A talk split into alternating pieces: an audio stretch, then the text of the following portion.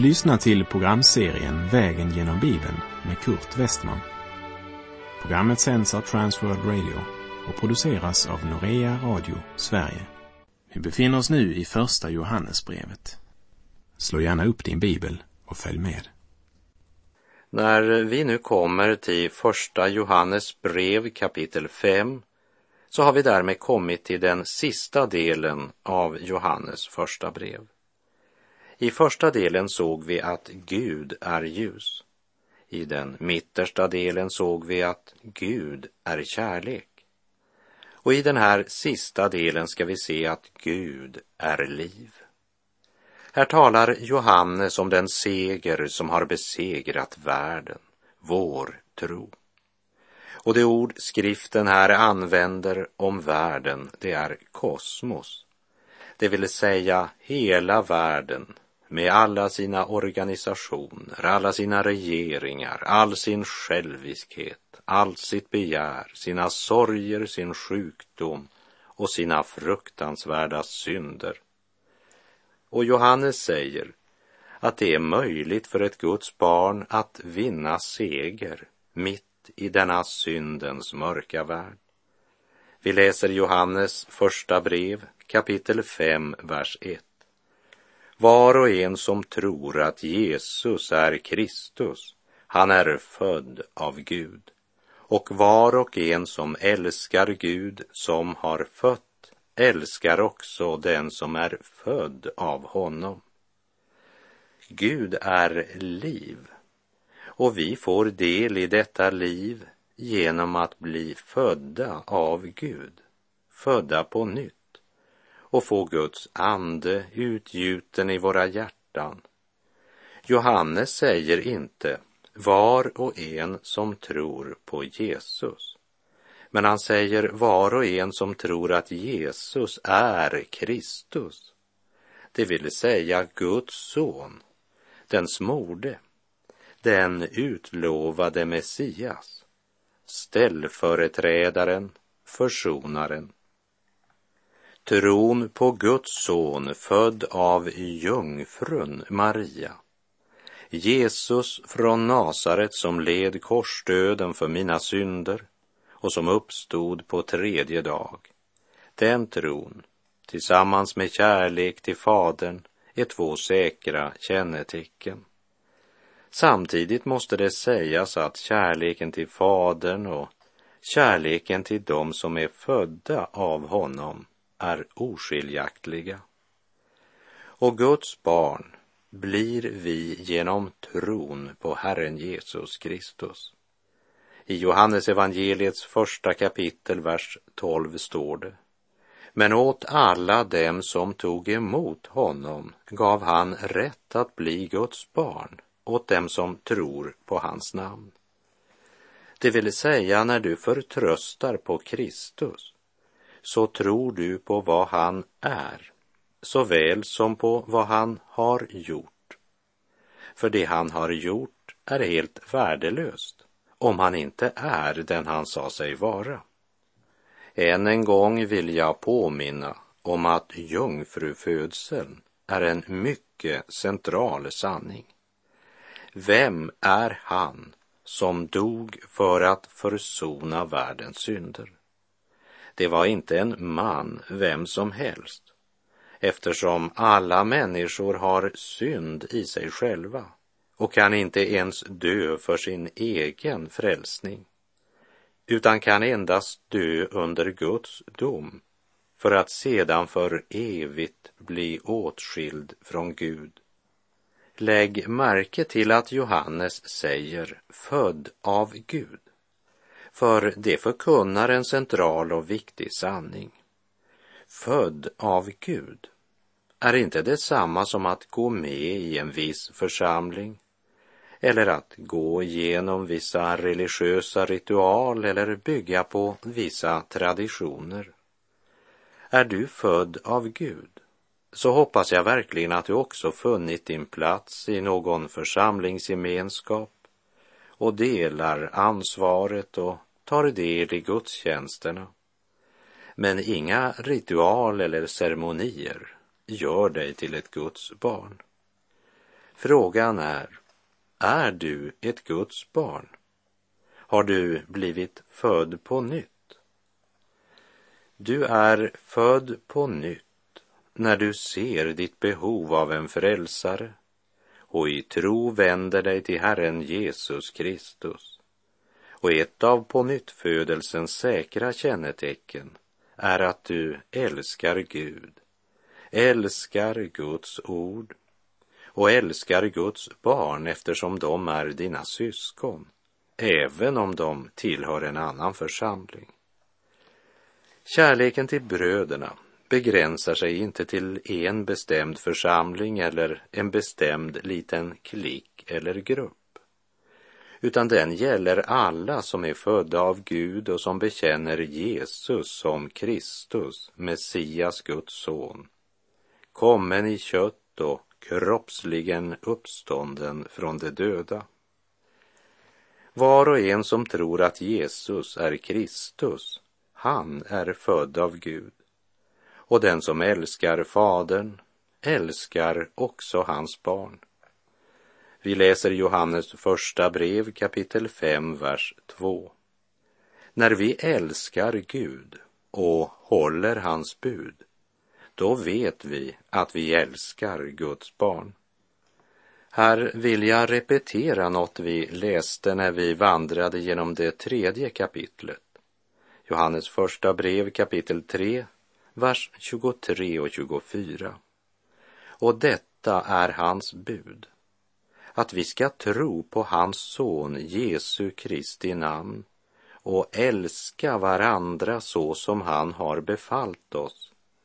Den som håller fast vid hans budskap förblir i Gud och Gud i honom och att Gud förblir i oss det vet vi av anden som han gav oss. Vi älskar inte våra bröder och systrar därför att de är så tilltalande eller alltid så eniga med oss. När vi älskar Gud så bygger vår relation till andra människor inte längre på våra sympatier eller antipatier, men på Gud själv. Ändetiden kommer att präglas av att kärleken ska svalna hos de flesta, säger Jesus i Matteus 24.12. Och då ska vi ha klart för oss att det är ett nära samband mellan vår kärlek och vår relation till Gud. Det gäller att leva i ordet och bönen. Många falska profeter ska träda fram och bedra många. Och eftersom laglösheten tilltar kommer kärleken att svalna hos de flesta. Men den som håller ut till slutet ska bli frälst, säger Jesus. I Efeserbrevets fjärde kapitel talar Paulus om att utrusta det heliga till att utföra sin tjänst att bygga upp Kristi kropp tills vi alla når fram till enheten i tron och i kunskapen om Guds son till ett sådant mått av andlig mognad att vi blir helt uppfyllda av Kristus. Men hör vad Jesus säger till de andliga ledarna i sin samtid i Lukas 11.52. Ve er, ni laglärda. Ni har tagit bort nyckeln till kunskapen. Själva har ni inte kommit in och dem som är på väg in har ni hindrat. De trodde de tjänade Gud. De kämpade så ivrigt för det de trodde var Gud men som i verkligheten bara var en religiös verksamhet byggd på mänskliga traditioner och stadgar och inte på Kristus. De religiösa ledarna på Jesu tid hade samma inställning som många församlingsledare idag har. Där ärliga sökare inte blir presenterade för Kristus och hans rike, men presenterade för vår kyrka, våra aktiviteter, vår gemenskap, vårt samfund. Det som skulle ha varit Guds församling och Guds folk. Vart tog omsorgen för själens frälsning vägen? Vart tog kärleken till Gud och till trossyskonen vägen? Man talar om Gud utan att sätta folk i personlig förbindelse med Gud. Må Gud förbarma sig över vårt land och folk.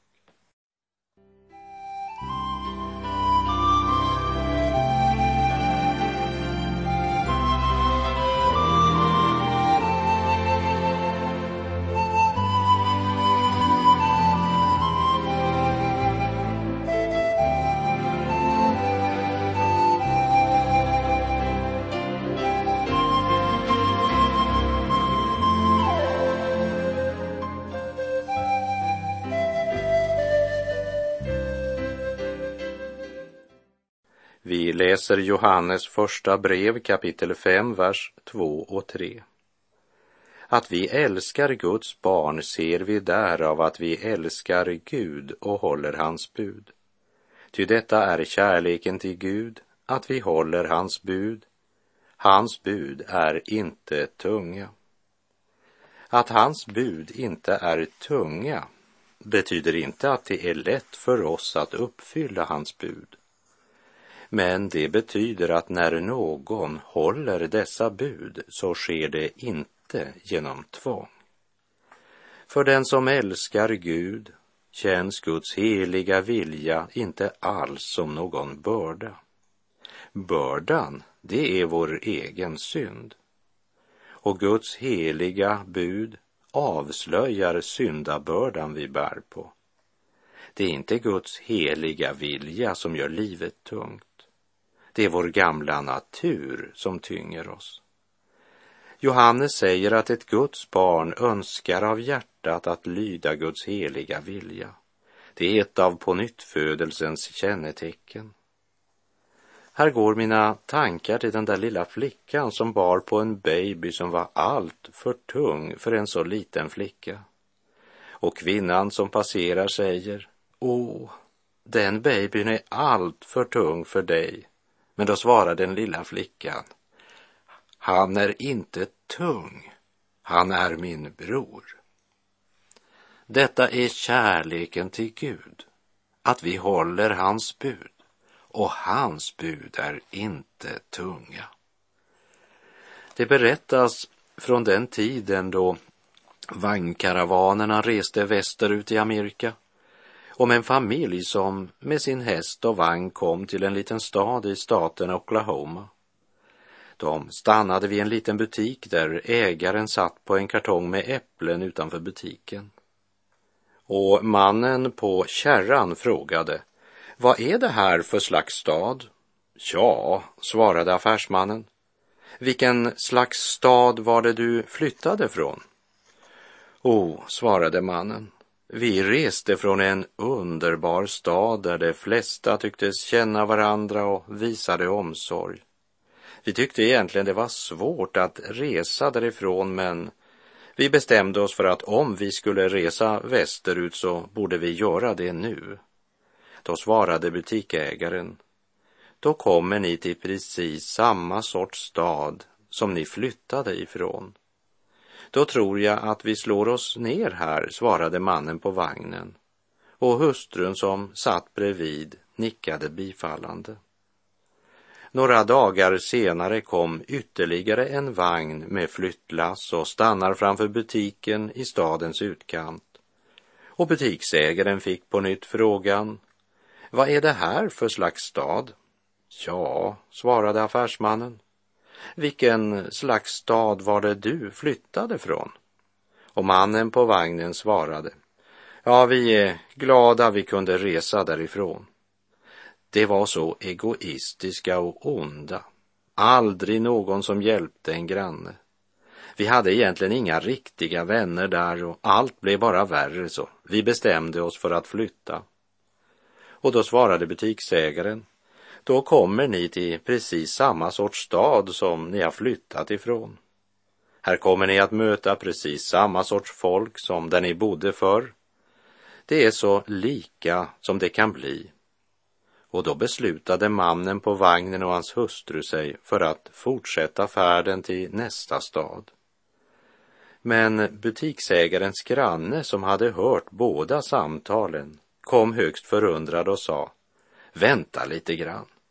Vad menar du med att ge dessa två familjer två helt olika beskrivningar av vår stad? Och då svarade butiksägaren Jag har lärt mig att vilken stad du än kommer till så kommer du till samma sorts stad som du har lämnat eftersom du själv kommer att vara samma sorts person. Johannes säger oss att ett Guds barn bör vara klar över att han ska inte vara på utkik efter någon som kan göra något för honom. Men han ska själv visa kärlek genom praktisk handling och sin hållning och alltid vara redo att sträcka ut handen till andra. Johannes evangeliets trettonde kapitel, där står det i vers 34 och 35. Ett nytt bud ger jag er, att ni ska älska varandra. Så som jag har älskat er skall också ni älska varandra. Alla ska förstå att ni är mina lärjungar om ni visar varandra kärlek. Först och främst handlar det om kärleken till trossyskonen. Lärjungarnas inbördes kärleksbevisning. Men det stannar inte där. Hör vad Paulus skriver i Galaterbrevet 6, vers 9 och 10. Låt oss inte tröttna på att göra gott. Ty när tiden är inne får vi skörda om vi inte ger upp. Låt oss därför göra gott mot alla människor medan vi har tillfälle och framför allt mot dem som delar vår tro. Vi kan inte flytta ifrån oss själva. Men genom Guds nåd och på nyttfödelsens under kan vårt självliv dagligen korsfästas. Som Paulus säger i Galaterbrevets andra kapitel, vers 19 och 20.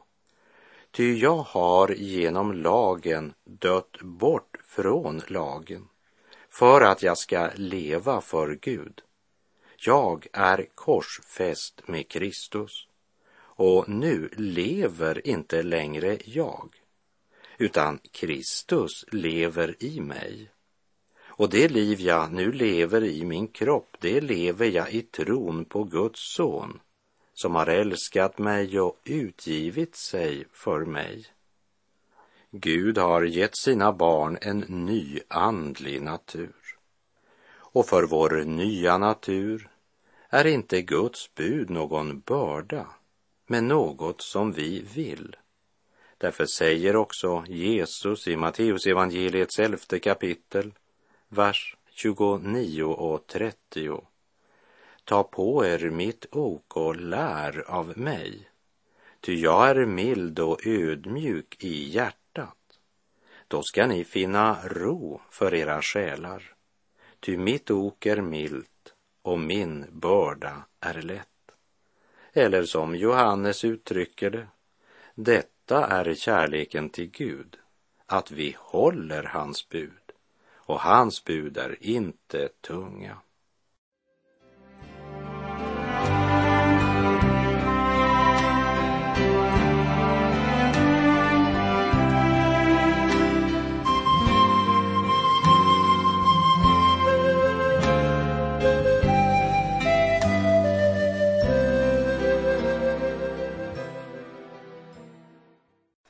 Vi läser Johannes första brev kapitel 5, vers 4.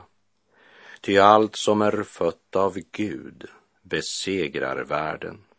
Och detta är den seger som har besegrat världen, vår tro. Först och främst måste vi ha klart för oss att Guds sätt att segra, det är inte att undertrycka andra och låta fienden betala priset utan Gud segrar genom att själv betala priset. Han segrar genom att låta sig själv krossas. Det talas så mycket om seger i kristna sammanhang idag att det har gått inflation i ordet. Det börjar närmast bli ett belastat ord som är svårt att använda eftersom de flesta människor i vår värld är så starkt påverkade av denna världens tankegång.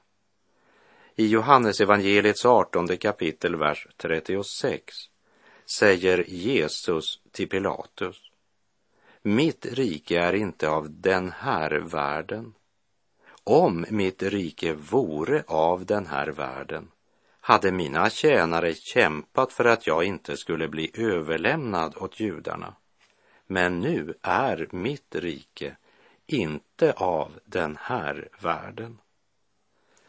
Vi måste ha klart för oss att överallt där det talas om en seger så förutsätter det också att det pågår en strid. Och Paulus talar om den striden när han skriver följande uppmaning till de troende i Galatien, i Galaterbrevet 5. Vad jag vill säga är detta. Vandra i anden, så kommer ni inte att göra vad köttet begär. Ty köttet söker det som är emot anden och anden söker det som är emot köttet. De två strider mot varandra för att hindra er att göra det ni vill.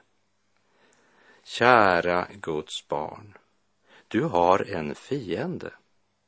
Och Johannes har redan tidigare talat om denna fiende i kapitel 2 där han sa Älska inte världen inte heller det som är i världen. Om någon älskar världen finns inte Faderns kärlek i honom. Ty allt som finns i världen, köttets begär och ögonens begär och högmod över livets goda, det kommer inte från Fadern, utan från världen. Som Guds barn är vi kallade att genom att proklamera budskapet om Kristus frälsa så många som möjligt ut ur denna syndens värld.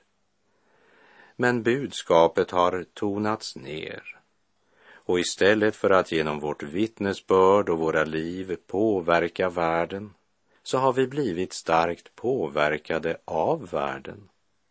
Men Guds ord säger fortfarande om någon älskar världen finns inte Faderns kärlek i honom.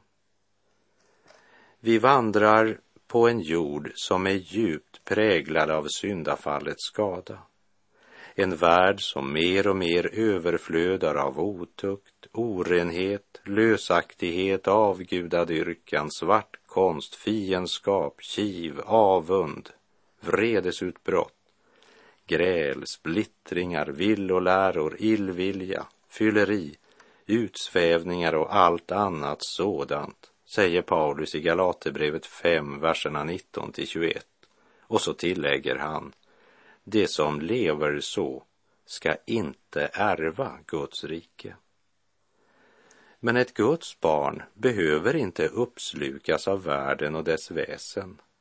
Men vi blir uppslukade om vi inte är på vakt. Här tror jag att en av Gamla testamentets illustrationer kan vara oss till hjälp. Och det är berättelsen om när Josua och Israels folk gick in i löfteslandet. Först måste jag då påminna om att löfteslandet är inte en bild på himlen eller evigheten. Våra sånger som talar som om kanan skulle vara himlen stämmer inte med vad Guds ord vittnar om vandringen med Gud, livet och evigheten. Kanan, löfteslandet, det är en bild på den situation som Guds barn borde leva i här och nu. Men det finns också en öken. Och den är stor och idag är det tyvärr många, många troende som lever i öknen. De har ingen glädje, även om de ibland tror att de har det. Men det är inte den gudomliga fridens glädje, för den finns inte i öknen. Vandringen genom öknen var inte lätt. Men Gud hade ju inte förlossat sitt folk från Egyptens träldom för att skänka dem ett liv i öknen. Och det är först när de intar kanan som den himmelska världens välsignelse blir deras. Och det ska vi se närmare på i nästa program. Kom hit över in i kanan, landet utan brist och nöd. Här finns salt i överflöd. Kom hit över in i kanan och Guds frälsningsrika gåva nu mottag. Just där kanans gränser gå, tvekande så många stå, det till landets höjder ingen längtan har. Gud förgäves allt berett, löfteslandet åt dem gett, när det ändå aldrig in i landet drar. Man har hört att ryktet lär att det finnes jättar där, att det ej är mödan värt att tränga på. Det har inte någon lust att med jättar ta en dust och just därför det vid gränsen ännu står. Fatta mod som Josua, säg till kallelsen ditt ja, lyft din blick mot Kanans underbara land. All Guds fullhet väntar där, kraft från ovan, löftet är, säg min vän, blir ej ditt hjärta satt i brand. I Johannes 10, vers 10 säger Jesus, jag har kommit för att de ska ha liv, ja, liv i överflöd. Och med det så är vår tid ute för den här gången. Herren vare med dig. Må hans välsignelse vila över dig. Gud är god.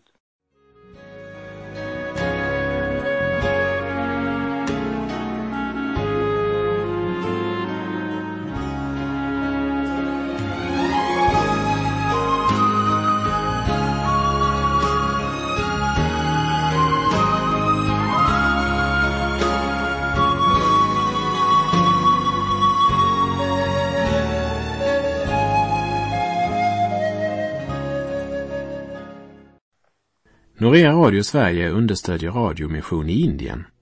Här följer ett lyssnarbrev från Gujarat.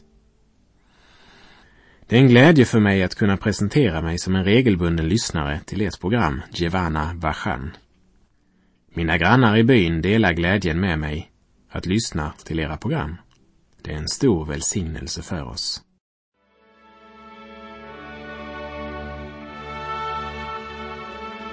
Du har lyssnat till programserien Vägen genom Bibeln med Kurt Westman som sänds av Transworld Radio. Programserien är producerad av Norea Radio Sverige.